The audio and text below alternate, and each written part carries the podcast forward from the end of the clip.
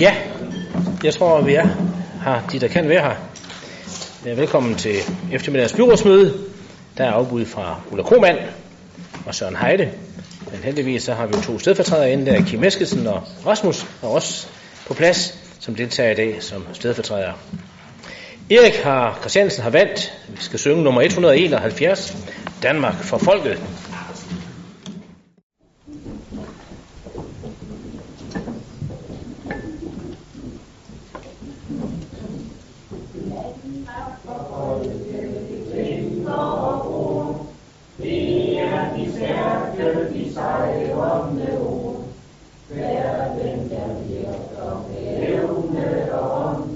og der er intet skælder med den barfede hånd. Hver den, der er i arbejdets lyd, vil bygge op den nye dag, den nye folkets tid. Plads for den alle, plads for alle, der vil, Danmark for folket. Danmark for folket, fra hytte og hus skal det stige som vordingens hus. Lynge sin sang, og maskinerne slår, og nynne ud, hvor muldens mænd langs hælerne går. Synge ved fisk og ved guld på kontor, og storme ud til havets mænd, der skibes vil man spor. Plads for dem alle, plads for alle, der vil, Danmark for folket, Danmark for folket, vi kvinder fra os alle ved samfundets bord. Kamp imod dem, der vil og slå, i friheds lysets danser, som vort folk bygger på. Plads for hver tanke, der levende bor, Flere og stærke tone i det store verdenskår. Plads for os alle, plads for alle verden. Danmark for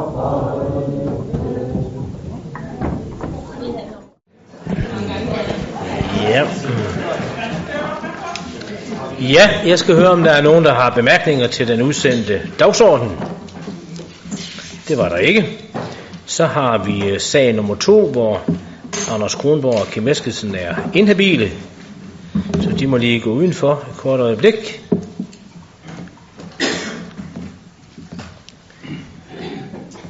Og mens de nu er ude, så kan jeg fortælle, at Anders Kronborg har anmodet om overlov fra Esbjerg Byråd i perioden fra med den 23. maj i år til og med den 21. august på grund af barsel.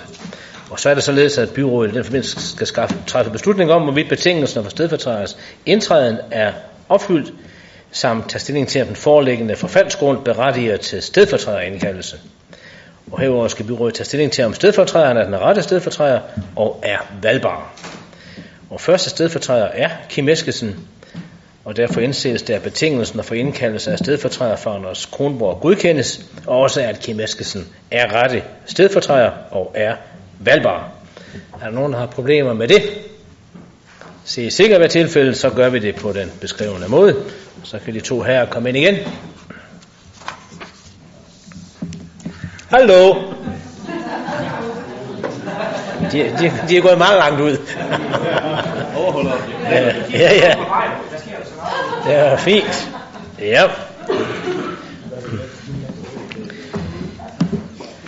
Vi går videre til sag nummer 3, som handler om udpegning af medlem til bestyrelsen for deponiselskabet Bobøl IS. Og det handler slet og ret om, at øh, vi gerne fra Venstres gruppe vil bytte rundt på Kurt Bjerre og Alex Sørensen, forstå på den måde, at vi på vores konstituerende møde udpegede Alex Sørensen som medlem af bestyrelsen med Kurt som stedfortræder. Og vi vil gerne have, at der byttes rundt på de poster. Skal høre, som, høre, om der er nogen, der har bemærkninger til det. Det var der ikke, så gør vi det.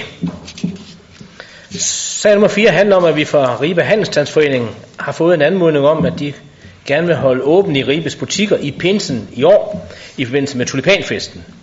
Og det er jo en, i høj grad en lokal fest, forankret i Ribe, der har eksisteret mere end 50 år, denne tradition, og afvikles hvert år i dagene før og under pinsen. Og man anslår faktisk fra Ribe side, at der er omkring 25.000 gæster i byen til denne tulipanfest, og derfor er det måske også naturligt, at man ønsker at holde butikkerne, butikkerne i, i byen åben under denne fest. Øh, det kan vi ikke selv bestemme, men vi kan lave en indstilling til Erhvervsstyrelsen, og det er det, jeg så foreslår, at byrådet gør, at vi øh, anbefaler, indstiller, at der gives tilladelse til, at man kan holde åben i Ribes butikker i Pinsen. Er der nogen, der har problemer med den indstilling? Det var der ikke, så vil vi skrive til Erhvervsstyrelsen omkring det. Sag nummer 5 handler om andels- og byggeforeningen af 1932, altså AB. Afdeling 6, Tinghøjen, de vil gerne lave noget badeværelsesmodernisering og øh, ønsker at give 56 boliger mulighed for tilvalg af en badeværelsesmodernisering. Det er noget, der koster godt en million, og det kræver 100% kommunegaranti for lånet. Så frem en beboer vælger at få badeværelse moderniseret, bliver forhøjelsen på ca. 420 kroner per legemål. Og boligforeningen har oplyst, at stigningen ikke forventes at medføre udlejningsbesvær. Og derfor er der også en indstilling på, at vi siger ja til at give denne kommunegaranti. Er der nogle bemærkninger til det? Det er der ej heller, så har vi også fuld indstilling på den sag. Så går vi til sag nummer 6, som handler om en række nye ungdomsboliger her i Esbjerg. Ja, sådan at Teknik- og Miljøforvaltningen blev i februar måned præsenteret for en liste over, altså for et år siden, øh, præsenteret for en liste over boligprojekter, hvor blandt Esbjerg Almindelige Boligforeningens projekt omhandler etablering af op til 80 ungdomsboliger på det hjørne, I kender som Borgergade, Jyllandsgade og Smedegade. Der var det med i den præsentation, og øh, det blev øvrigt også i revideret form indsendt som en mulighed for den, i den konkurrence, vi lige har afsluttet her før jul, omkring almindelige ungdomsboliger i Esbjerg Centrum, hvor det her projekt her kom ind på en, øh, en flot øh, anden plads. Øh, det foreliggende projekt, som vi skal forholde os til i aften, det indeholder 66 almindelige ungdomsboliger, og de ligger jo fantastisk godt på det hjørne, og spiller fint sammen med, at vi jo har haft et udtrykt politisk ønske om, at vi gerne vil have flere ungdomsboliger her i vores bymitte. Også at vi gerne vil have, at det medvirker til en fortætning af, af bymiljøet her. Og derfor er det sådan set øh, lige øh, i øjet. Der taler om et anlægsprojekt på godt og vel 76 millioner kroner. Og det betyder, at vi skal komme med den kommunale medfinansiering i form af grundkapital på 10% af, altså 7,6 millioner kroner og øh, vi har sat 7,3 af i indeværende års budget, og de resterende 300.000 foreslår vi så, at det ved den kommende budgetrevision fremrykkes fra 2017 midlerne til 2016. Og øh, derfor er indstillingen også den, at der gives tilsavn til EAB om, at de kan indsende skema A om ansøgning på et projekt på 66 ungdomsboliger, at vi øh, laver som sagt denne overflytning fra 17 til 16, hvor vi giver tilskud på de 7,3 millioner plus disse penge, altså 7,6 alt i alt. Og øh, jeg kan ikke stærkt nok anbefale, at vi følger denne her indstilling, fordi det er et rigtig godt og flot projekt. Så jeg skal høre, om der er bemærkninger til det. Musa. Musa. Hvem sagde du? Musa. Musa. Ja, værsgo. Tak. Som borgmesteren har sagt, projektet ligger jo fantastisk godt.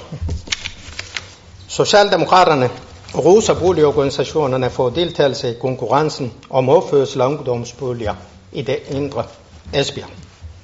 Boligorganisationerne har udført et godt stykke visionært arbejde i forbindelse med Vision 2020-planen for at tage del i opgaven med at kunne tilbyde centralt beliggende ungdomsboliger. Esbjerg Kommunens visioner er at tiltrække flere studerende til kommunernes uddannelsesinstitutioner. Derfor vil der være behov for flere ungdomsboliger, for at kunne opfylde visionen om boliggaranti til de unge studerende. Esbjerg Almennyttig Boligselskabets projekt her med 66 ungdomsboliger på Jørgen, Borgergade, Jyllandsgade som i øvrigt blev nummer to ved arkitektkonkurrencen for almene ungdomsboliger i Esbjerg Centrum skal roses for en spændende arkitektur med en bolig, øh, arkitektur med en boligindretning, der kan ændres til familieboliger, hvis behovet skulle opstå. Også her har været, øh, boligorganisationerne har været meget fremsynet med hensyn til indrette boligen fleksibelt. De øvrige almene ungdomsprojekter, der nu er på vej, skal også ruses. Socialdemokraterne hilser projekterne velkommen og ser frem til det videre samarbejde omkring opførsel af flere ungdoms- og familieboliger, hvor ønsket er blandende boligformer, hvor også almindelige boliger indgår over hele kommunen. Tak for ordet. Tak, Musa. Der er ikke flere bemærkninger til det, så vi har fuldt indstillingen herpå. Så går vi til sag nummer 7, som handler om ansættelsesformer for skoleledere. En sag, vi har brugt øh, lidt krudt på i, i økonomiudvalget. Og man kan se, at i forlængelse af indførelsen af områdeledelse på skoleområdet, så har skoleledernes ansættelsesformer som sagt været drøftet nogle gange. Samtlige øh, skoleledere er lige nu ansat som tjenestemænd i det, der blev rekrutteret internt i den eksisterende gruppe af skoleledere, hvor alle faktisk var øh, tjenestemandsansatte. Vi har nu drøftet, hvorvidt skolelederne skal have tilbud om at opgive deres tjenestemandsansættelse for at overgå til kontraktansættelse, samt at kommunen ved fremtidige nyansættelser skal tilbyde kontraktansættelse. Formålet vil være at sikre, at vi kan ansætte og fastholde de rette ledere på skolelederområdet. Og efter mange lange snakke på gentagende møder, så havde vi et sidste møde herom den 18. januar, og der måtte vi også gå til afstemning om, om det her. Der var så et næsten knusende flertal for det, nemlig 8, og en enkelt imod. Det var så Henning fra liste Ø. Det blev godkendt, at direktionen tager initiativ til, at den enkelte skoleleder får mulighed for at opgive sin tjenestemandsansættelse mod at overgå til ansættelse på kontraktvilkår i henhold til rammeaftale om kontraktansættelser af chefer, og øh, økonomivalget vi orienteres løbende så om disse forhandlinger. En videre Vestbjerg Kommune fremadrettet benytte kontraktansættelser ved nyansættelser, og der tages forbehold for, at der kan være pligt til tjenestemandsansættelser, hvis der kommer en ansøger, som er tjenestemand i den såkaldte lukkede gruppe. Og Henning Overgaard bad så om, om vi kunne få den her sag på byrådets dagsorden, og det er den så i dag. Og derfor vil jeg give ord til dig, Henning. Ja, det er nok hverken første eller sidste gang, vi kommer til at stå i en situation med det knusende mindretal. Så, øh, men se, der var engang et folketingsmedlem for SF, Christine Antorini. Hun havde en vision om, hvordan hendes folkeskole skulle indrettes. Hun kunne dog ikke føre den ud i livet, først og fremmest fordi, at ikke engang hendes egne ville være med. Så skiftede hun parti til Socialdemokraterne og fik dem overbevist om ideen men betingelsen for at gennemføre det var, at det var lærerne, som skulle finansiere det, samt at den skulle indrettes mere efter kapitalens markedsteorier, mens det pædagogiske måtte nedprioriteres. Ellers kunne man ikke sælge ideen til de borgerlige partier. Folkeskolereformen, som enhedslisten jo stemte imod, har helt klart indeholdt både plusser og minuser, men det var bestemt ikke lutter lavkage. Den her sag, vi har med at gøre i dag, den kører videre på et af de spor, som hører reformens utøj til, og derfor har vi begært den her sag i byrådet. Partierne bag folkeskolereformen, mange af de samme partier, som også står bag den her sag, de sværger til det koncept, som forskere på området i dag betegner som falit, nemlig New Public Management. Og New Public Management er en model for styring af den offentlige sektor ud fra principper hentet i den private sektor. Principper, der handler om markedsgørelse af styringen og managementorienterede ledelsesformer, og hele den nyliberalistiske formål med New Public Management, det er at gøre op med velfærdsstaten. I den her sag har vi hørt andre partier argumentere med, at tjenestemandsansættelser er forældet. Det er lidt dobbeltmoralsk, synes vi, når flere af de samme partier kæmper indet for at bevare lukrative ministerpensionsordninger og store lønløft til borgmester. Men hvorfor ønsker de så de her ansættelser hen, hvor peberet gror? Kun lige for skolelederne. Det gør de, fordi ved en tjenestemandsansættelse, der vil en god ledelse være forpligtet til inden for de første tre år af ansættelsen at skille sig af med lederen, så frem lederen ikke passer ind. Til gengæld er man godt beskyttet efter de tre år, og lederlønningerne tilsvarende det lavere. Det passer selvfølgelig dårligt ind i nyliberalismens ideologi om at tilpasse sig en markedsgørelse, for så kan man jo ikke i samme omfang bruge skolelederen ukritisk som redskab til at opnå den markedsgørelse, man ønsker. I enhedslisten der ønsker vi at fastholde, at skolelederen også i fremtiden rekrutteres blandt de, der har en lærerfaglig baggrund, og vi ønsker at holde fast i de pædagogiske værdier i vores folkeskole. Vi ønsker ikke, at fremtidens skoleledere får karakter af direktører, der skal indrette folkeskolen efter profit-tankegangen på bekostning af de pædagogiske principper. Og netop her er det vigtigt, at skolelederen er godt beskyttet. Godt beskyttet, så de tør tale politiske beslutninger imod, når disse ikke tager højde for det pædagogiske islet i vores folkeskole, i stedet for at de bare agerer direktørtilpasning af skolen. Konsekvensen af det her forslag, det bliver for det første, at kommunens udgifter til lederlønninger vil øges kraftigt i fremtiden, og selv sagens bilag dokumenterer det, at en leder på tjenestemandsvilkår er cirka øh, en million billigere end ved en kontraktansættelse, når man måler det over årene. I enhedslisten synes vi ikke, der er grund til at hæve lederlønningerne. Slet ikke samtidig med, at lærernes vilkår er blevet forringet ved selve reformen. Og det er derfor, vi er imod det her forslag, fordi det fortsætter ud af en vej, som vi ikke ønsker folkeskolen indrettet efter. Tak. Ja, ja jeg vil sige, at øh, hvis ikke man kendte Henning, så ville forvirringen nok være total. Øh, det her handler for mig hverken om New Public Management eller Governance, men det handler egentlig om, at vi øh, har behov for at kunne tiltrække og fastholde de øh, skoleledere, vi rent faktisk har i dag. Det er jo sådan, at man siden øh, 2009 overenskomstmæssigt har haft en mulighed for at ansætte enten på tjenestemænd, kontrakt eller overmålsansættelser. Så jeg kan undre mig over, at en fagforeningsmand som Henning Overgaard rent faktisk ikke mener, at vi skal udnytte de muligheder, der ligger i overenskomsten. Hvis vi kigger rundt omkring de omkringliggende kommuner, så ansætter de allerede i dag på kontraktlignende vilkår. Og det betyder, at man giver et kontrakttilskud øh, på 15% oven i lønnen, mod at man forringer, ja, øh, pensionsvilkårene på lang sigt.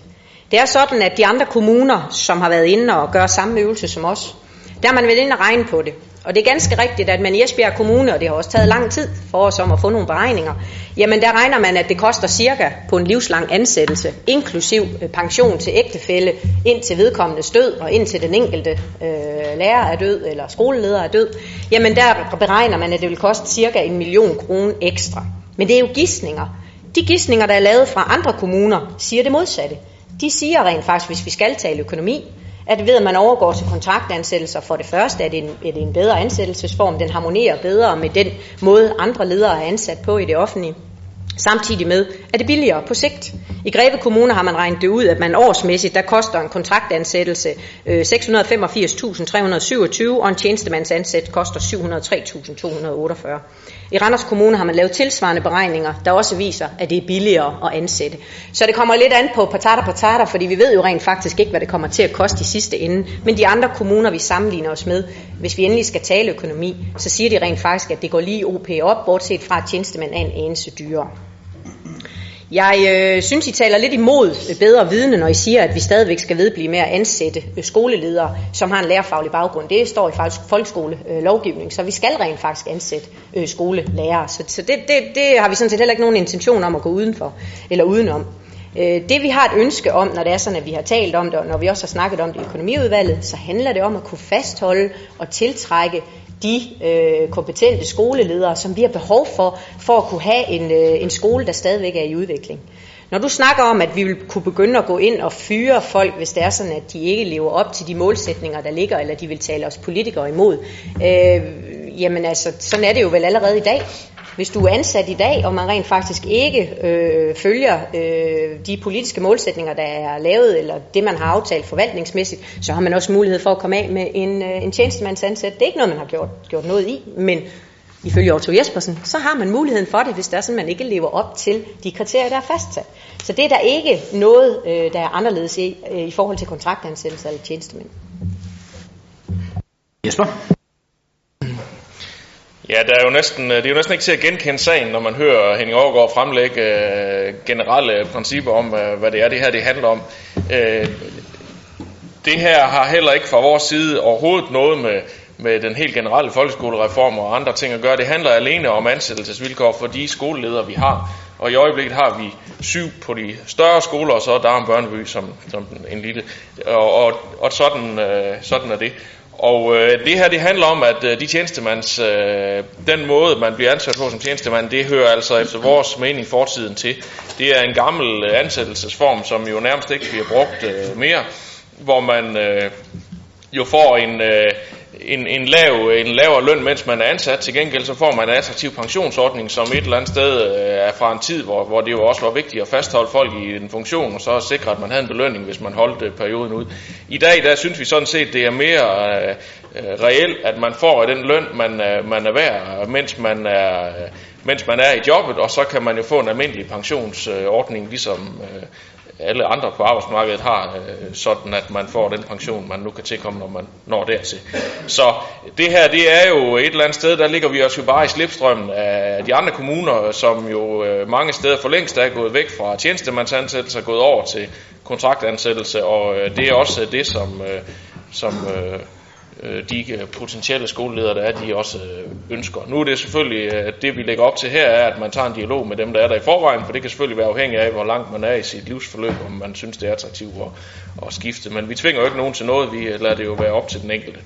Så øh, det her, det handler heller ikke for os øh, om økonomi, fordi at, øh, det er jo altså svært at forudsige, hvor, hvor gamle folk de bliver, og dermed skal regne ud, om det her det var billigere eller dyrere, alt efter om, om man valgte den ene eller den anden form. Øh, Øh, der er mange øh, ting, der taler for, at øh, det er en ansættelsesform her med kontraktansættelse, der passer mere til nutidens behov. Så det synes jeg også helt klart, at vi skal fastholde det i flertalsbeslutning, der var fra økonomiudvalget.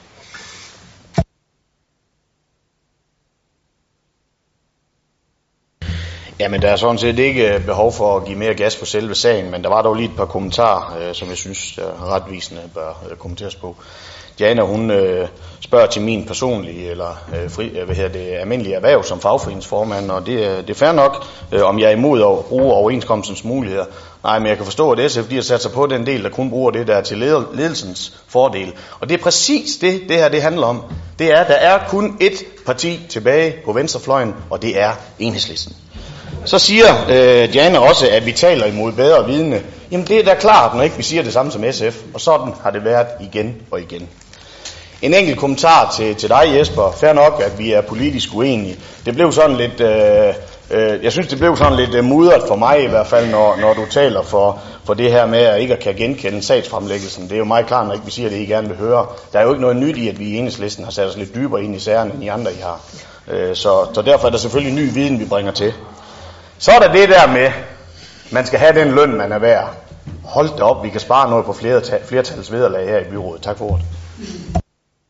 Det er faktisk sig selv tak, fordi det er herligt, at kun et hold tilbage på venstrefløjen. Det kan man da kun glæde sig over sådan en dag som i dag. Diana? Når jeg siger, at jeg taler mod bedre viden, så var det rent faktisk ikke noget som helst andet, end at du sagde, at man, vi stadigvæk skulle ansætte, eller I havde et ønske om, at de skoleledere, vi ansætter, at de rent faktisk skal rekrutteres blandt skolelærere. Det står i lovgivningen. Så, så, så det kan da godt være, at I har et ønske om det, men lovgivningsmæssigt, så står det der rent faktisk allerede. Så det er jo ikke bare et ønske, I har. Det gør vi rent faktisk allerede. Det står i lovgivningen, og det vedbliver vi også med at gøre.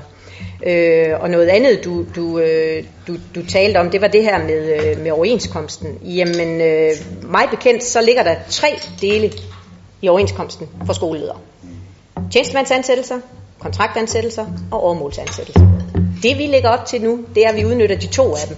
Fordi overmålsansættelse, det synes vi ikke er noget, man bruger blandt skoleledere. Men vi bruger de to andre. Hvad pokker har det med noget som helst at gøre, hvorvidt man ønsker det ene eller det andet rent ledelsesmæssigt? Altså, mig bekendt, så harmonerer det ret godt med den måde, alle andre medarbejdere i, i øh, kommunen er ansat på. Hvad er årsagen til, at skoleledere øh, ikke skal have samme ansættelsesvilkår øh, som andre af vores ledere? Altså, det, jeg forstår det simpelthen ikke, hvad det er, der ligger til grund for det og hvad det er, du tror eller er bekymret for, der kommer til at ske. Allerede den dag i dag arbejder man med kontrakter ude blandt skolerne. Det er ikke noget, vi politisk er involveret i, og det bliver vi heller ikke på det fremadrettet. Det er rent forvaltningsmæssigt, man har den del af det. det, det, det jeg forstår simpelthen ikke, hvor det er, du vil hen, øh, og hvad det er for spøgelser, du ser ved højlysdag. Skud igen, Henning. Jo, men jeg kan godt forstå, at det er vanskeligt for SF at forstå øh, venstrefløjens synspunkter. Så jeg læser min tale op igen. Nej. Nej, det gør jeg ikke i respekt for byrådet. Men min tale sagde jo alt, den findes på tv. Tak. Det var en rigtig klog beslutning, synes jeg. Ja, men vi kommer ikke ud, når man skal have en afstemning. Hvem kan stemme for flertalsindstillingen fra økonomiudvalget? Ja tak. Hvem stemmer imod? Ja. Så går vi videre til sag nummer 8, som er fortsat behandling af vedtægt for styrelsen af Esbjerg Kommune Skolevæsen. Og det vil Diana sige på om. Ja, tak. Vedtægten for Styrelsen af Esbjerg Kommunes skolevæsen med tilhørende bilag gældende per 1. august 2015 er blevet rettet til. Årsagen er blandt andet nye skolereformer, men også en række beslutninger, blandt andet omkring skolernes struktur, som vi har truffet her i byrådet. Vedtægten er en supplement til folkeskoleloven, der siger, at man i byrådet skal fastsætte en vedtægt, som beskriver de nærmere retningslinjer for styrelsen af kommunens skolevæsen. Vi har egentlig haft sagen på dagsordenen i byrådet før, men i børnefamilieudvalget besluttede vi i november sidste år at sende vedtægten og bilagene til høring i skolebestyrelser og i lokalråd. Det har så medført nogle ændringer, og derfor skal vedtægten så godkendes på ny. Høringssvarene de giver udtryk for en række ønsker, der for eksempel handler om at øge antallet af pladser, som man skal holde ledige til at optage skoleafdelingens egne børn frem for børn fra distriktets andre afdelinger. Så er der også et ønske om, at skolebestyrelserne og skolelederne selv skal bestemme fordelingen af børn imellem skoledistriktets afdelinger. Begge dele vil forringe serviceniveauet i forhold til det frie skolevalg, men også til elevernes ret til at gå på den afdeling, der ligger tættest på deres hjem. Derfor er det vores opfattelse i børnefamilieudvalget, at vi på de punkter skal fastholde de forslag, der er blevet sendt i høring. Øh, der er dog nogle ændringer, som vi i udvalget synes giver god mening at tage med i vedtægten, og det er vigtigt for os at sikre gode rammer for elevernes indflydelse på deres egen hverdag, ikke mindst set i lyset af, at vi i Esbjerg Kommune har indgået et samarbejde med danske skoleelever og således blevet en elevvenlig kommune. Derfor er det oplagt med en tilføjelse om, at hver skole danner et elevråd, ligesom hver afdeling kan have sit eget elevråd. Og samtidig har vi så også fået et nyt fælleselevråd, som er et forum for formænd og næstformænd for vores skoleelevråd, og øh, det første møde er så også blevet afholdt for nylig. Herudover er det relevant at få defineret i vedtægten, at søskende jo rent faktisk både kan være halv- og helsøskende, sådan er det åbenbart i dag, øh, fordi det har betydning i forbindelse med indskrivning i 0. klasse, optagelse af eleverne og rent faktisk også det frie skolevalg. Og på den baggrund indstiller børnefamilieudvalget og økonomiudvalget til byrådet, at vedtægten for styrelsen af Esbjerg Kommunes skolevæsen med tilhørende bilag gældende per 1. august 15 godkendes med følgende ændringer og tilføjelser. Øh, 1. Paragraf 13. Elevråd ændres til elevråd, fælleselevråd. Skolens elever danner et elevråd jævnfør folkeskoleslovens bestemmelser. Det er frivilligt, om skolen danner fælles eller afdelingselevråd på de enkelte afdelinger, og der er etableret et fælleselevråd, der består af formand og næstformand for hver af vores skoleelevråd. Under toeren under paragraf 6, indskrivning til børnehaveklasse, optagelse af elever, frit skolevalg, indskrivning til børnehaveklasse og optagelse af elever tilføjes følgende, søskende defineres som værende hel- eller halvsøskende. Det var bare lige en enkelt bemærkning nu, der er kommet en del øh, høringssvar omkring det her, og specielt et enkelt punkt, øh, det der handler omkring fordeling af eleverne på de enkelte afdelinger, det har jo øh, givet anledning til en, en del kommentarer, og man kan sige, der er, jo, der er jo faktisk flere, der ønsker sig tilbage til de gamle distrikter, og der var gældende omkring de gamle skoler, og det er jo sådan set, det kan jeg sådan set ikke være uenig i, at det kunne være en fin måde at gøre det på. Det er bare ikke muligt inden for den inden for den øh, måde lovgivningen er på, fordi det skal være nogle objektive kriterier, og derfor er vi ude i noget med afstanden til den, til den nærmeste afdeling, og øh, det er, man kan sige, det er det mindst dårlige i det her, og derfor er det det, vi har øh, valgt at, at skrive ind i, øh, i de øh, principper, der, der er gældende nu her, så, så man stadigvæk har mulighed for at og, eller krav på at kan gå på den afdeling, der ligger tættest på ens bopæl. Og det er bare nødt til at være det, de kriterier, der er gældende frem for de gamle skoledistriktsgrænser, øh, som jo for ellers for mange vil være mere logiske. Øh, så øh, det er, øh, der er også nogen, der ønsker, at det skal brydes fuldstændig op. Øh, det, så er vi ude i noget, hvor man kan på de enkelte afdelinger øh, selv fordele eleverne, og så er vi kan vi lige pludselig ikke øh, stå på mål for det, vi, øh, der var forudsætningerne for, vi, da vi vedtog strukturen, nemlig at man har krav på at gå på den nærmeste skole. Så det er derfor, det kompromis her, det, øh, eller at det er fastholdt sådan, som det var, uden at ændre det i det, der har været i høring her, så vi dermed stadigvæk har den her Google Maps løsning, som, som sikrer, hvor man skal gå hen. Så det var lige den eneste kommentar. Der er ikke flere, der har kommentarer hertil, så den er hermed vedtaget. Så går vi til sag nummer 9, hvor Jesper Frost er inhabil.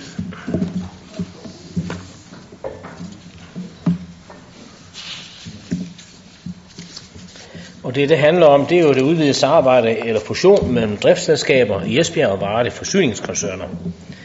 Som I alle er vidne om, så er det sådan, at din forsyning, som navnet er på den nye institution, den blev stiftet den 2. marts 2015 som en fusion mellem serviceselskaberne i Esbjerg og Varde forsyningskoncerner. Og selskaber her, de løser opgaver for driftsselskaberne i de to koncerner.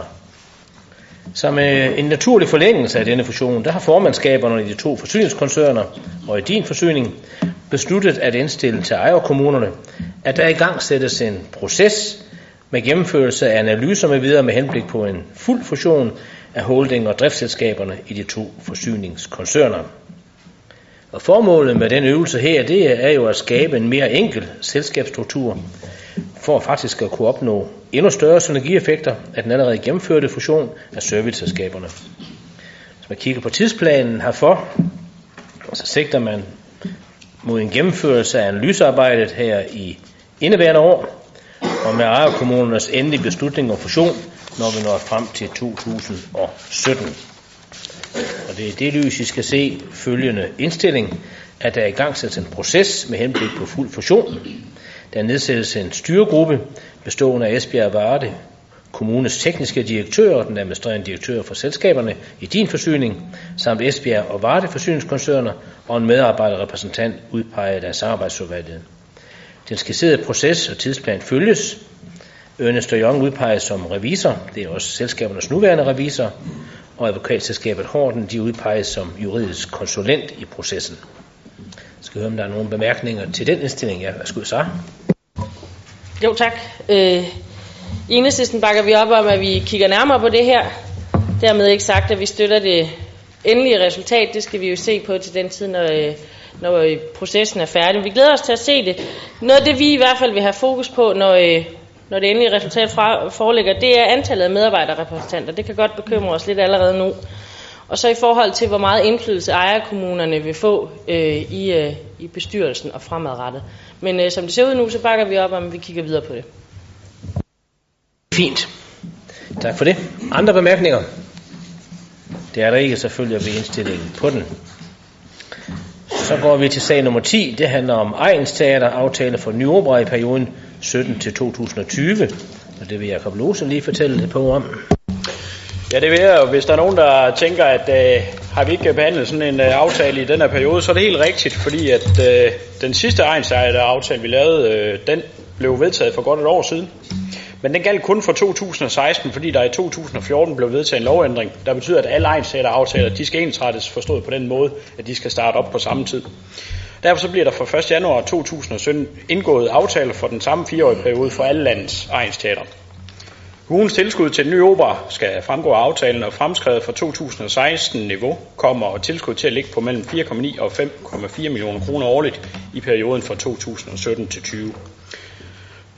Vi får først oplyst Kulturstyrelsens refusionsprocent i starten af tilskudsåret, men i forvaltningsberegninger der er der taget udgangspunkt i de 39 procent, som gælder for den nuværende egenteateraftale.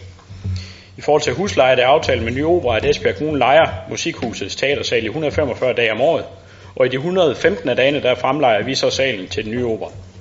Med refusion og huslejeindtægt, så er der forventning, at Esbjerg Kommunes udgift til den nye opera årligt lander på ca. 1,9 millioner kroner i 2016 priser.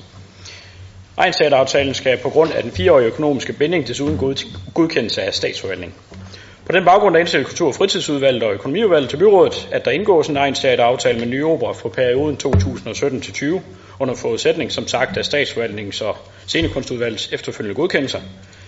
Der afsættes tilskudsbeløb i budget 2017-20 i overensstemmelse med aftalens beløbsangivelse, og at justeringer i tilskuds, husleje og refusionsbudget reguleres fremover løbende via kommunekassen. Tak for det, Jacob. Det er der ikke nogen, der gør anskrig imod, så den er vedtaget. Så går vi til sag nummer 11, som handler om aftalen for tobakken som regionalt spillested i samme periode. Vil du også sige lidt om den? Det vil jeg gerne. Som vi alle sammen øh, ved, så er tobakken et af Syddanmarks største spillesteder og må, og må betegnes som kraftcenter for den rytmiske musik i både Esbjerg Kommune, såvel som hele vores region. Sådan vil vi selvfølgelig gerne have, at det også fortsætter fremtiden. Både tobakken selv og Esbjerg som kommune har stor interesse i at holde fast i at bygge videre på udviklingen af spillestedet, fordi det er et rigtig stærkt kort i vores vifte af kulturtilbud. Derfor så er det også helt afgørende, at tobakken fastholder sin status som et af landets regionale spillesteder, der vil blive udpeget og få tilskud af Kulturstyrelsen. Tobakken skal søge om en ny aftale med styrelsen for perioden 2017-20. Om ansøgningen, der skal der følge en kommunal erklæring, som der så er årsagen til, at vi også ser sagen her i dag, fordi det er formelt set tobakken, som der ansøger styrelsen. Tobakken er et fyrtårn for den rytmiske musik, og spillestedet har både i sine nuværende aktiviteter og også fremadrettet i ansøgningen til Kulturstyrelsen et klart fokus på udvikling. Det fremgår meget tydeligt i ansøgningen, at der er ambitiøse planer for de kommende år, og der er konkrete mål for at skabe, skabe nye øh, spændende samarbejder, både af lokal, regional, national og også international karakter rent faktisk.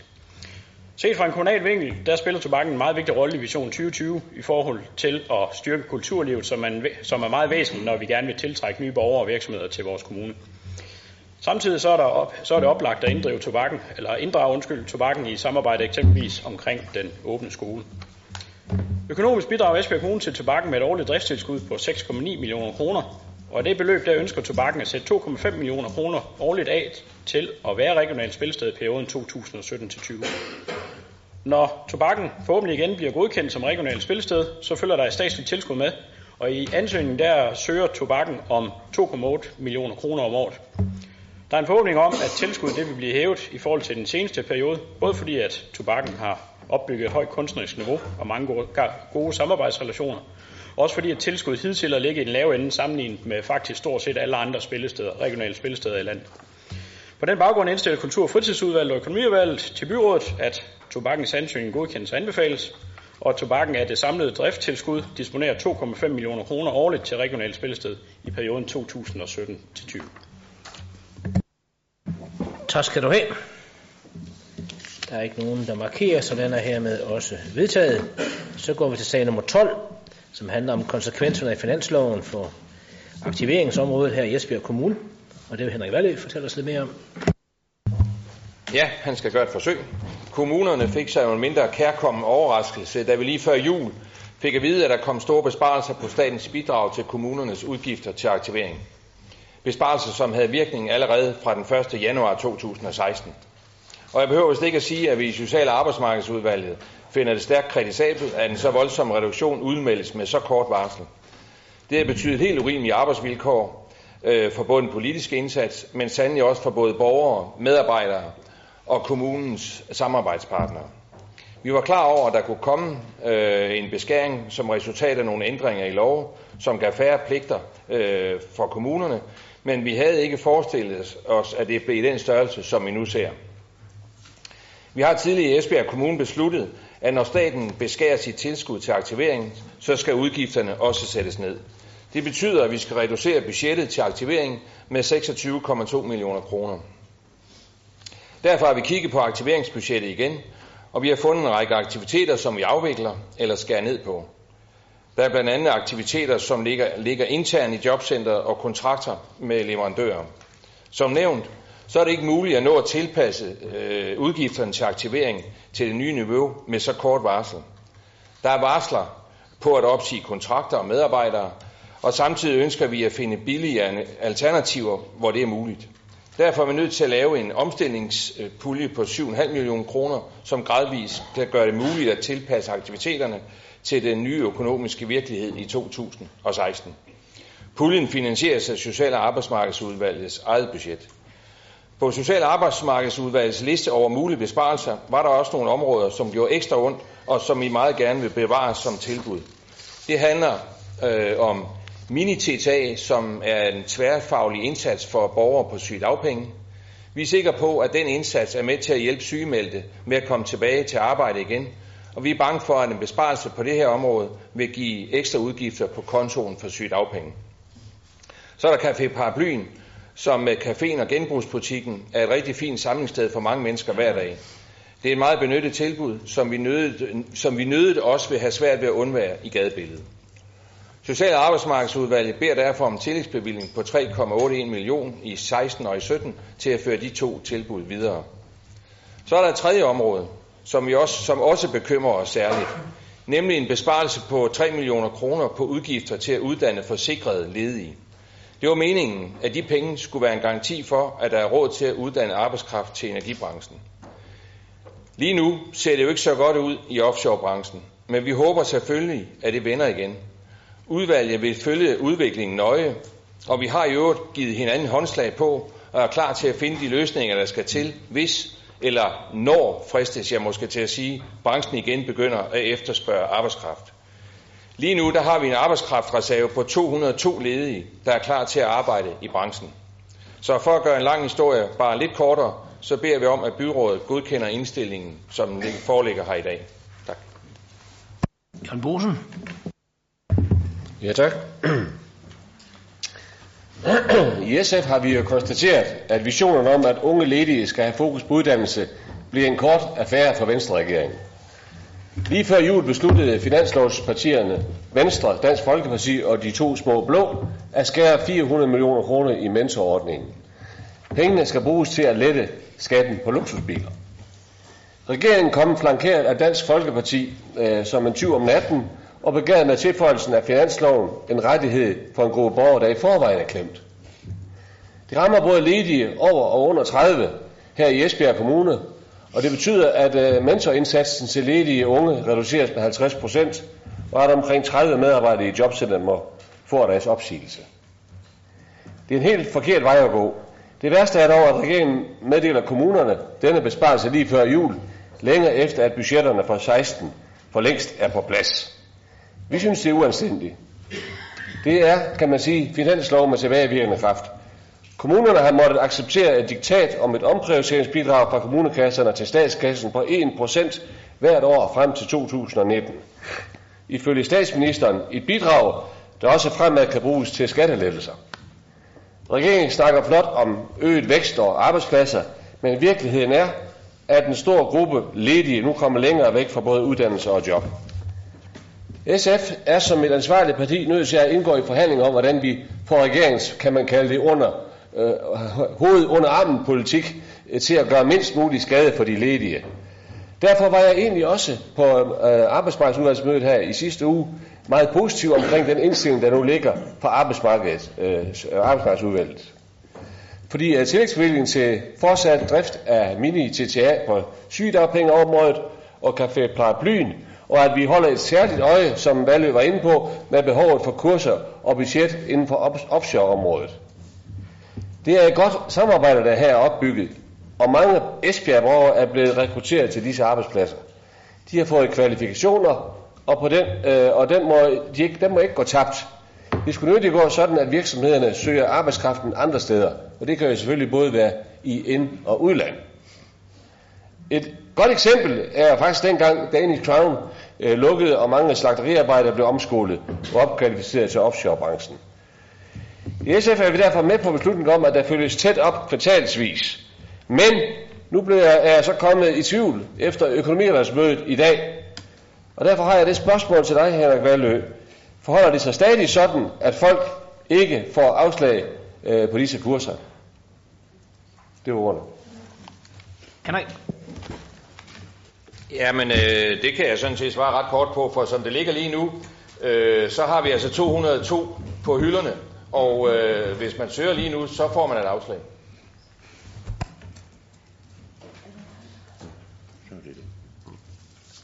Er der andre, der ønsker ordet?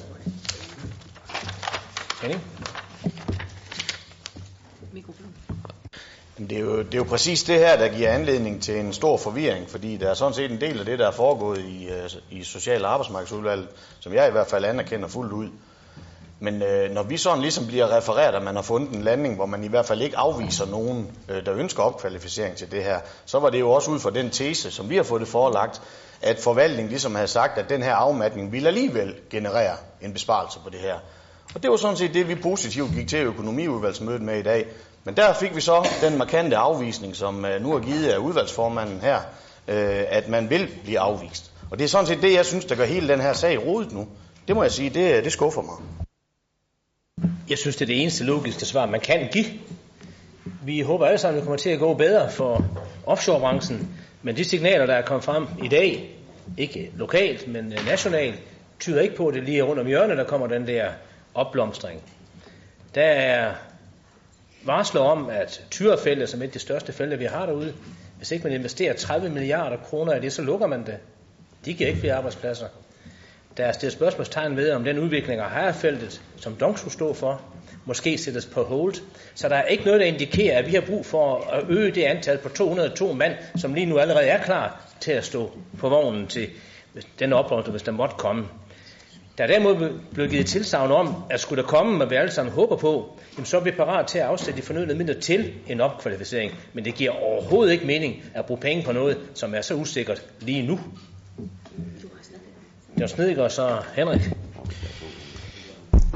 Altså, jeg synes også, ligesom Henning overgår, at det her, det er øh, meget rodet. Og jeg synes, at man argumenterer et i forhold til, hvad behovet i virkeligheden er. Øh, og det er det, jeg godt lige vil prøve at anskueliggøre.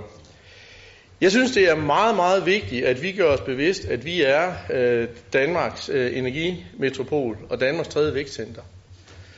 Og det vi ved, det er altså, at den måde, den form, det samarbejde, som vi har opbygget igennem flere år imellem de faglige organisationer, imellem virksomhederne, uddannelsesinstitutionerne og jobcentret, øh, får kanaliseret rigtig mange, som Jørgen Bosen øh, Andersen rigtig siger, øh, af vores egen borgere, der bliver kvalificeret til at tage de jobs, øh, der er ude i Nordsøen. Og derfor dur det jo ikke, at, at øh, vi så også i den beskæftigelsesindsats, øh, vi så laver, lukker ned for uddannelser, som kan bruges både i olie- og gasindustrien, men for så vidt også i vindmølleindustrien, eller en lang række andre områder. For en del af de uddannelser her er jo arbejdsmarkedsrettede uddannelser, som en række af de virksomheder, som også er virk- vækstvirksomheder i øh, kommunen, øh, øh, efterspørger. Så det vi kan være meget nervøse for, det er, at hvis vi begynder at sige nej til det her, så vil de virksomheder, som har haft det gode samarbejde med jobcentret og de øh, fagforeningerne og så videre omkring det her, de vil begynde at søge jobs andre steder. Jeg tror, at de virksomheder er fuldstændig ligeglade med, om den medarbejder, de får, kommer fra Esbjerg Kommune, eller kommer fra Vejen eller fra Varde. Men det kan vi jo ikke som kommune være ligeglade med. Vi vil da hellere have, at vores ledige medarbejdere får en opkvalificering, så de kan få jobbene og være gode skatteyder i Esbjerg Kommune. Så derfor er det her øh, en, en, en, en voldsom bekymring, vi har. Må jeg så ikke også godt sige, at, at øh, det er altså også i fuldstændig modstrid øh, til den øh, måde, som vores øh, vækstforum øh, arbejder på lige nu. Lige nu, der er de i gang med at skal prøve at lave en, en landsdækkende national offshore-kampagne, som har til formål at imødegå branchens udfordringer i forhold til at sikre kvalificeret arbejdskraft ved også at synliggøre de her jobmuligheder over for relevante faggrupper. Og så begynder vi nu at gå fuldstændig den anden vej. Man er klar til at investere over 1,4 millioner kroner øh, på den her øh, kampagne, der er, er støttet op af både Danmarks Rederiforening og hvad hedder det, forskellige ministerier, olie- og gasindustrien, vindmølleindustrien og mange andre. Det er da den helt forkerte vej at gå. Og der synes jeg, at hvis vi begynder at lukke for det her, øh, hvis behovet er der, og at vi risikerer, at det samspil, vi har fået bygget op igennem lang tid, det går i vasken, så synes jeg, at man øh, spiller meget, meget hasarderet. Så jeg synes i hvert fald, at øh, det er rodet, at man nu vil gøre det her. Du sagde noget meget fornuftigt til sidst, hvis behovet er der. Og det er det jo ikke, når vi har 200 mand lige nu, der er uddannet, men er ledige. Så kunne man jo lave en aftale, der gik på, jamen hvis det tal decimeres til for eksempel 50, så kunne man gå i gang med at efteruddanne nogle folk og opkvalificere dem. Men det giver bestemt ikke nogen mening, at de 200 skal blive til 400 eller 500 eller 1000 for den sags skyld. Det er da spild af penge, gode penge. Kan man bruge til noget andet fornuftigt jo. John? Jo, men det jeg prøver at forsøge at sige med Vækstforums investering, det er jo, at det som branchen fortæller, det er, at øh, det her det går så stærkt, at øh, pludselig så vil der blive efterspurgt rigtig, rigtig meget, og at der er behov for, at man kan rekruttere til den her branche, uanset om vi snakker offshore olie og gas, eller vi snakker offshore vind. Og der er man altså klar til at bruge rigtig mange penge på at gøre opmærksom på de her jobåbninger. Og så synes jeg, at den politik, vi så vil vælge fra Esbjerg Kommunes side, det er at sige, der hvor vi så kan opkvalificere borgere i kommunen til at kunne tage de job, når, når, når tingene øh, går den anden vej, og når behovet er der. Så synes vi, det er forkert. Plus, at der ligger elementer af arbejdsmarkedsrettede uddannelser i det, i det her forløb, som kan bruges i et bredt felt. Og derfor synes vi, det er den forkerte vej at gå. Henrik? Ja, nu har borgmesteren jo næsten sagt øh, rigtig meget af det, jeg vil sige, men øh, jeg, jeg synes jo ikke, vi går den anden vej, John. Det synes jeg faktisk ikke, vi gør. Vi, øh, vi holder bare lidt igen. Og I, I, I, I synes vel ikke, at vi skal uddanne til noget, til jobs, der ikke er der. Det kan I da ikke mene. Øh, når vi ovenikøbet siger, at vi i udvalget vil følge det her ganske nøje, og hvis det bliver aktuelt, så er vi klar til at gribe ind, så snart det er en, er en mulighed. Det, det synes jeg, der skal jo være et job, for at vi uddanner nogen. Og som borgmesteren lige har sagt ganske rigtigt, så har vi altså over 200 på hylden. Så øh, jeg synes, øh, med de ord, jeg, som jeg har sagt om, at øh, vi følger den her udvikling ganske nøje, så er jeg slet ikke nervøs på samme måde, som I er. Jan Bosen. Ja, øh, tallene de flyver lidt rundt i luften, og nu er der åbenbart også kommet nogle nye frem i dag i økonomiudvalget. Og jeg, jeg bliver sådan lidt øh, forvirret af at høre det hele, og jeg synes, at for at skabe lidt ro på det hele, så kunne jeg da godt forestille mig, at det kunne være gavnligt, at vi fik sagen tilbage i udvalget igen, og så behandle den en gang til med de faktiske ting, der ligger nu. Altså, jeg synes ikke, der er kommet meget nyt frem siden i morges, hvis jeg skal være helt ærlig, men du stiller et konkret forslag, det kan vi så lige forholde os til. Jeg synes ikke, der er nogen grund til at sætte den her sag tilbage til udvalget. Hvem kan støtte Jørgen Bosens Andersen forslag om at sende sagen tilbage? Hvem stemmer imod? Godt, det forslag det er bortfaldet. Så går vi til Henning Overgaard.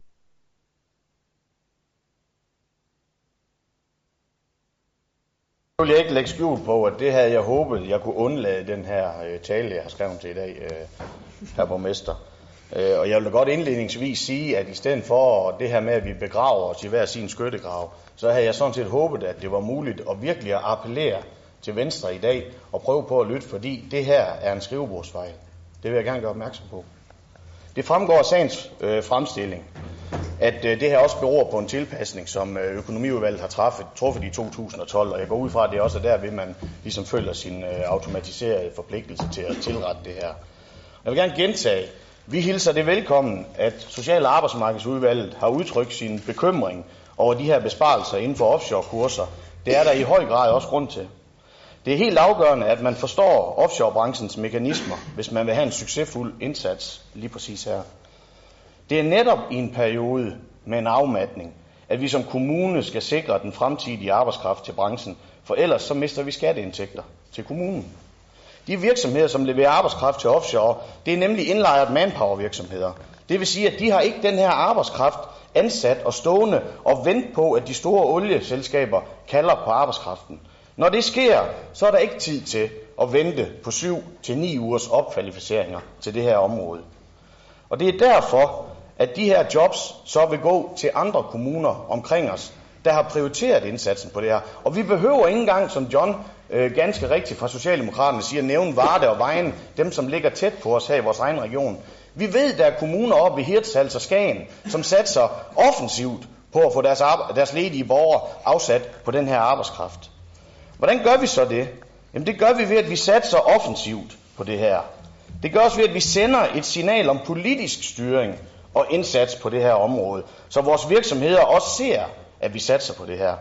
Og det havde vi netop gjort, hvis man besluttede noget mere håndfast. Om det lige skal være det, vi i enhedslisten har stået for, eller det skulle være noget andet, det skal jeg så lade være usagt pt.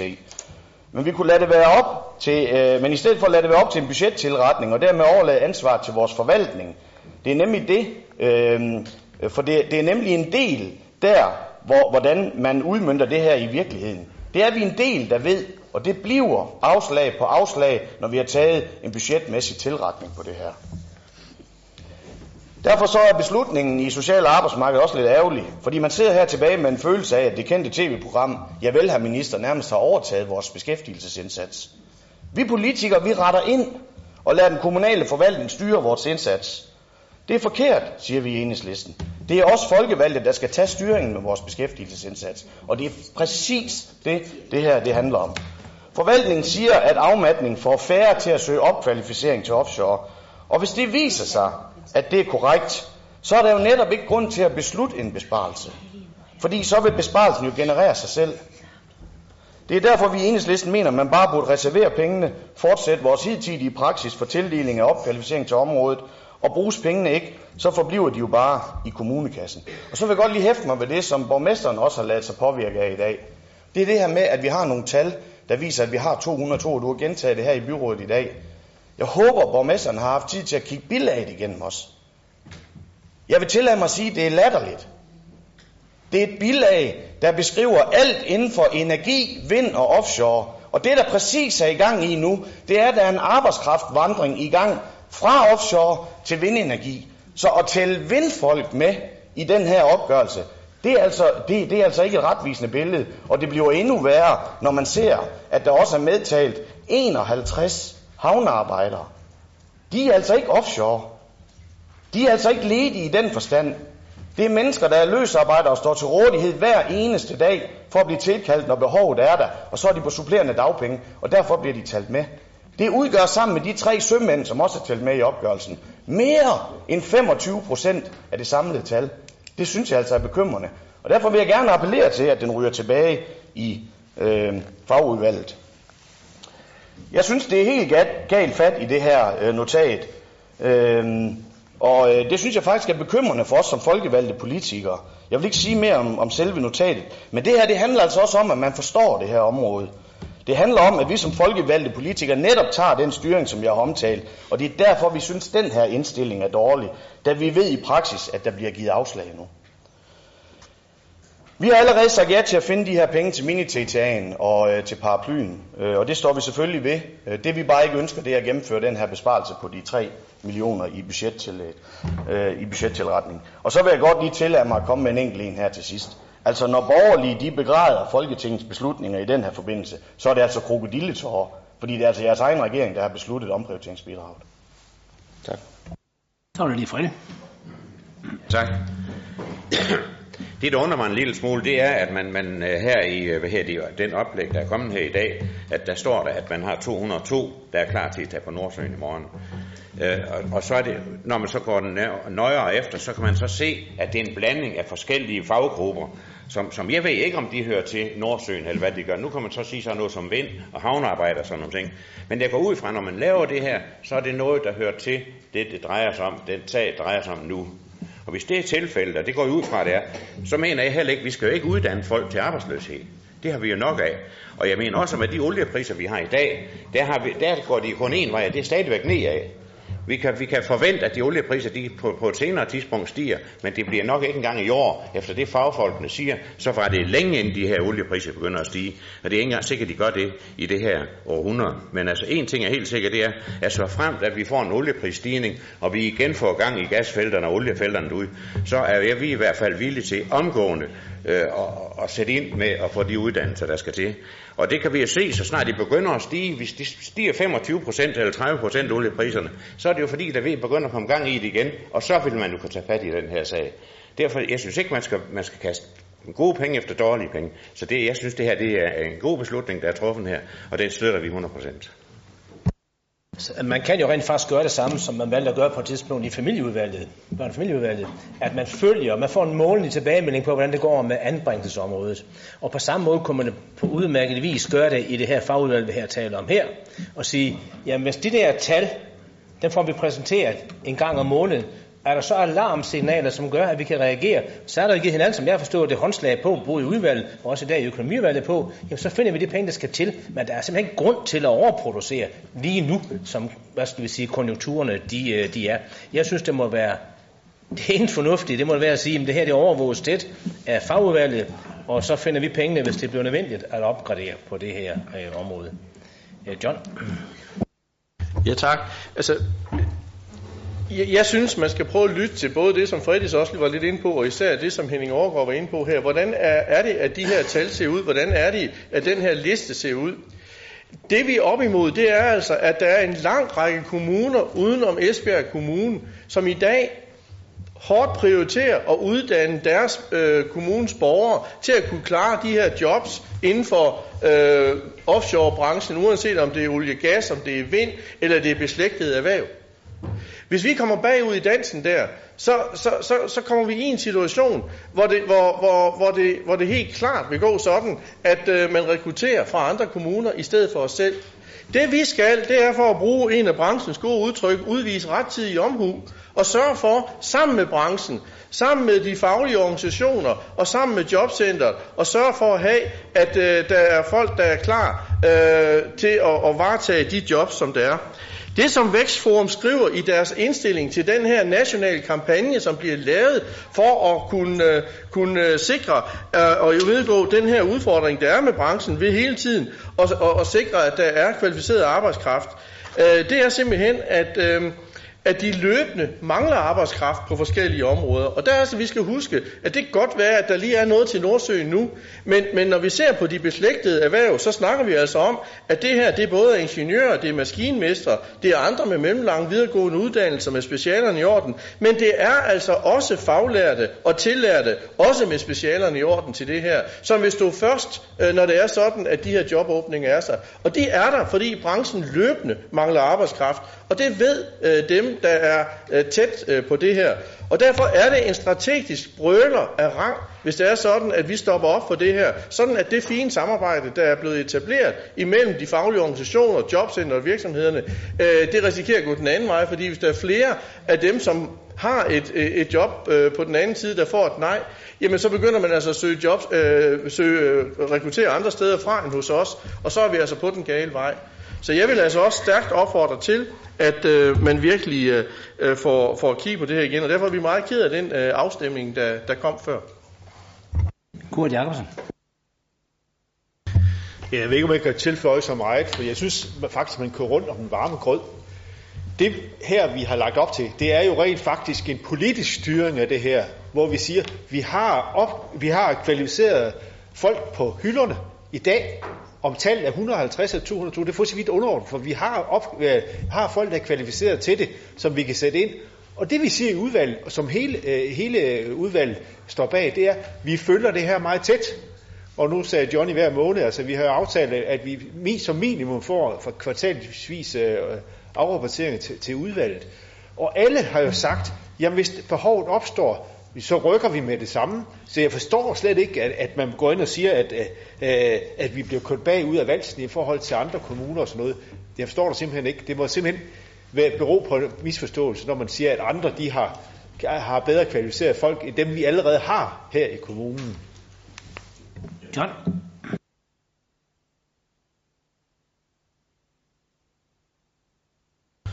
Men altså, øh, det, det, det jeg vil sige nu, øh, fordi nu er Kurt Jacobsen inde på det her med, at vi, vi øh, kører rundt om, om, om det varme grød, øh, og, og, og, og, og, og jeg, jeg synes altså, det, det, det er at svært at forstå, hvorfor at man ikke vil være med til at sikre den uddannelse af den arbejdskraft, som vi ved, at man har så meget behov for, og løbende har behov for at iværksættes kampagner omkring. Og derfor vil jeg godt øh, simpelthen... Øh, anbefale, stille et ændringsforslag til, til det, vi nu øh, øh, har som, som, som, som indstilling. Og øh, øh, det, det vil jeg gerne øh, gøre på, på vegne af, af SF og, og Enhedslisten og, og Socialdemokraterne. Og det er øh, følgende. Social- og arbejdsmarkedsudvalget har en særlig opmærksomhed og bekymring for udviklingen inden for offshore. Der skal ikke gives afslag på kurser og opkvalificering inden for offshore. De hidtidige indsatser og retningslinjer fortsætter. Udvalget ønsker en kvartalsvis afrapportering på udviklingen for offshore kurser. Jamen, det ligner... Nej, det gør det ikke helt. Men det er ikke en skide bedre i hvert fald. ja. Er der supplement til det her? For ellers er vi nødt til at sætte det her til afstemning jo. Okay. Jamen det skal være ganske kort. Jeg vil bare sige, at vi havde egentlig planer om, at vi ville have stillet et, øh, et andet ændringsforslag i dag, netop at vi ligesom reserverede de 3 millioner i, i første omgang. Men vi har lyttet til signalet om her, hvis man bare kan give den her garanti, som jeg egentlig også havde opfattet, at der var arbejdsmarkedsudvalgets intention i det her, så vil vi støtte det forslag, der ligger der kan jeg overhovedet ikke anbefale. Vi skal ikke uddanne blind til noget, vi ikke ved, om der er behov for. Og der er ikke nogen i dag overhovedet, der bestrider det faktum, at hvis det er sådan, at behovet er der, så er pengene der også. Men jeg, jeg kan ikke godkende den præmis, at vi lige nu sejler agterud. Det gør vi jo ikke, så længe vi har folk, der er ledige på det område. Om det er 100, 150 eller 200, det er sådan set, som Kurs siger, bedøvende ligegyldigt. Hvis man kan rykke hurtigt på det her, og det hører jeg udvalget sige, at det er man parat til, så burde det være godt nok. Godt. Hvem kan stemme for det sidst fremstillede forslag her fra John Snedgaard på vegne af S og Ø og F? Hvem stemmer imod? Så er det også nedstemt. Så Så vil jeg tillade mig nu at foreslå, at vi stemmer om det forslag. Nå, undskyld Frederik, du jeg har det der på listen. Ja. Det har jeg ikke. Nej, men jeg vil godt lige spørge om, fordi øh, nu snakker vi om penge hele tiden, og pengene er der, og, og det er de selvfølgelig, når vi nu bliver enige om, at, til, øh, at, de, at de skal kan opkvalificeres, de mennesker, som, som, som vil i gang, når den tid den kommer. Jeg vil godt lige spørge Henrik Valø, er AMO-centret, er de klar til at tage de mennesker i det øjeblik, de kommer? Fordi nu lukker vi jo ned for, for uddannelsen ud. Er AMO-centret så klar til at kan opkvalificere de mennesker, der kommer? Jeg er sikker på, at, øh, at dem, der skal være klar til det her, de også er klar, når, når, når tiden er. For de vil jo følge det lige så nøje, som vi andre vil. Det er der jo slet ingen tvivl om. Og øh, jeg, jeg, synes, øh, jeg synes også, nu siger Kurt, at vi har kørt rundt om en varme brød. Jeg synes, vi har kørt rundt i en, i en varme brød i stedet for. Øh, og vi har sagt, det var det, jeg indledte med at sige, det var, at udvalget vil følge udviklingen nøje her. Og, øh, og nu bliver der foreslået månedsvis, jamen så gør vi det månedsvis, eller det der indtil videre ligger, det er det kvartalsvis og det er jeg helt sikker på er godt nok. Og jeg er meget enig, når der bliver sagt fra borgmesterens side her, at vi har en, en, en reserve her på over 200, så skal vi ikke uddanne nye. Ja, en masse. Nej, det er lige en kommentar til, til, til Henrik Valø, fordi han siger, at selvfølgelig er man klar til at tage dem, hvis de kommer derude. Men jeg går da ikke ud fra, at AMO-centret har folk gående ud, som de ikke har behov for. De har folk gående ud, som, som er kvalificeret til at give det her job. Hvad, hvad gør man ved dem? Lader man, fyrer man dem, eller lader man dem blive, så læser man er klar til at tage fat den dag, den er der?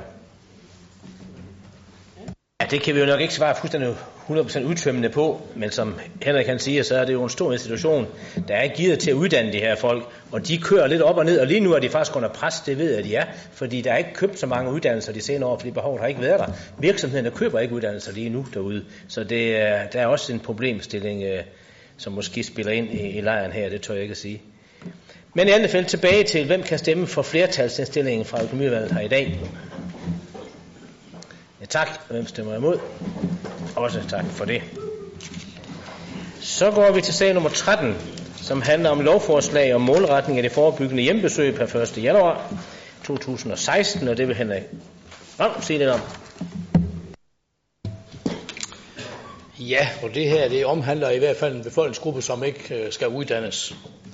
Og i øvrigt så er overskriften måske ikke helt up to date, fordi det er nemlig sådan, at Folketinget den 29. december 2015 har vedtaget lovforslaget om målretning af de forebyggende hjemmebesøg med ikrafttræden 1. januar 2016. Det betyder blandt andet, at aldersgrænsen for hjemmebesøg ændres fra 75 år til 80 år, og derudover skal alle have tilbudt et besøg det år, hvor de fylder 75 år. Ændringen af aldersgrænsen til 80 år er ganske fornuftig, set i lyset af, at mange seniorer over 75 år i dag er langt mere raske og selvhjulpne, end det var tilfældet for godt 20 år siden, da man indførte loven om forebyggende hjemmebesøg. Og heldigvis for det. Set i forhold til Esbjerg Kommunes seniorpolitik giver ændringen også god mening. Vi lægger nemlig vægt på, at den enkelte skal være længst muligt aktiv i eget liv og være i stand til at tage vare på sig selv længst muligt. En stor del af fremtidens seniorer ønsker at klare sig selv – det ved vi blandt andet fra seniorundersøgelsen i 2009, hvor ikke mindre end 96 procent af de kommende seniorer i Esbjerg Kommune gav udtryk for, at muligheden for selv at tilrettelægge hverdagen har stor betydning. Samtidig skal vi selvfølgelig sørge for at skabe rammerne for et godt og trygt liv, hvis sygdom eller andet medfører, at den enkelte har behov for hjælp. Og det er netop, hvad den nye lov og målretning af de forebyggende hjemmesøg giver mulighed for.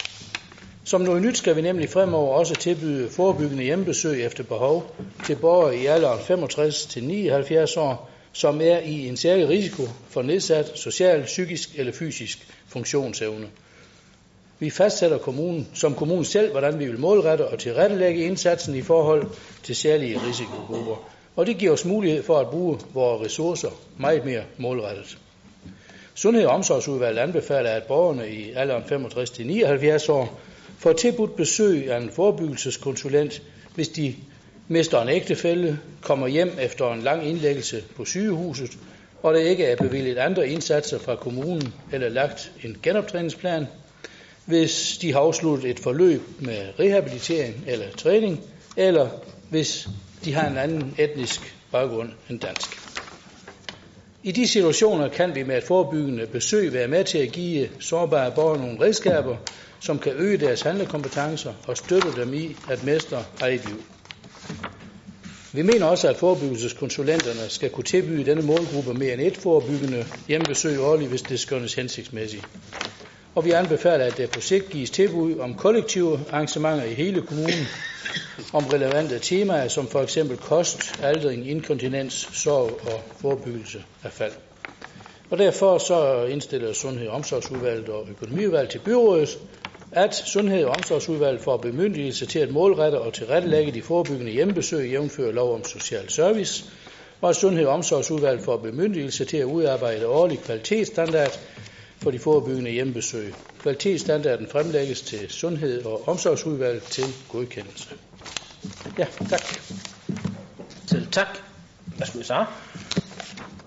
Ja, øh, Henning har på vegne af enhedslisten i økonomiudvalget stillet et, øh, et det er jo ikke, det er dog nok et ændringsforslag, det er vel et udvidelsesforslag øh, øh, forslag af en eller anden art, at øh, vi skal fastholde den praksis, vi har haft tid til i forhold til at tilbyde øh, årligt øh, forebyggende hjemmebesøg i aldersgruppen 75-80. Det vil jeg gerne genfremsætte her, øh, sådan nok mest af principielle årsager, men jeg synes faktisk, det er vigtigt, og vi synes, det er enormt vigtigt, fordi det er rent faktisk forebyggelse, og folk kan sige nej tak, hvis de ikke har lyst til det. Ganske kort, så det vil jeg gerne genfremsætte. Tak. Ja. Det blev sådan set lukket ned det forslag i økonomivalgets behandling af sagen, og efterfølgende stemte de jo for det her forslag. Så skal I jo sådan set komme med et, øh, et punkt, det her, det er jo ikke, medmindre I, I nu kommer med et ændringsforslag. Jamen, så vil jeg gerne stille ændringsforslaget, at øh, det udvides med, øh, at de 75-80-årige tilbydes et årligt øh, forebyggende hjemmebesøg. Det er ikke andet bøvler, ja. Nå, hvem kan stemme for det ændringsforslag, Undskyld. der her er fremsat? Ja. Ja. Jeg regner, man godt blive siddende. Det blev så nedstemt igen, og hvem kan så stemme for det oprindelige forslag fra flertals... Nej, det er enstemmig indstilling fra fra økonomivalget. Ja, også tak for det. Det var sådan set det sidste punkt på den åbne dagsorden, så tak fordi I holdt ud.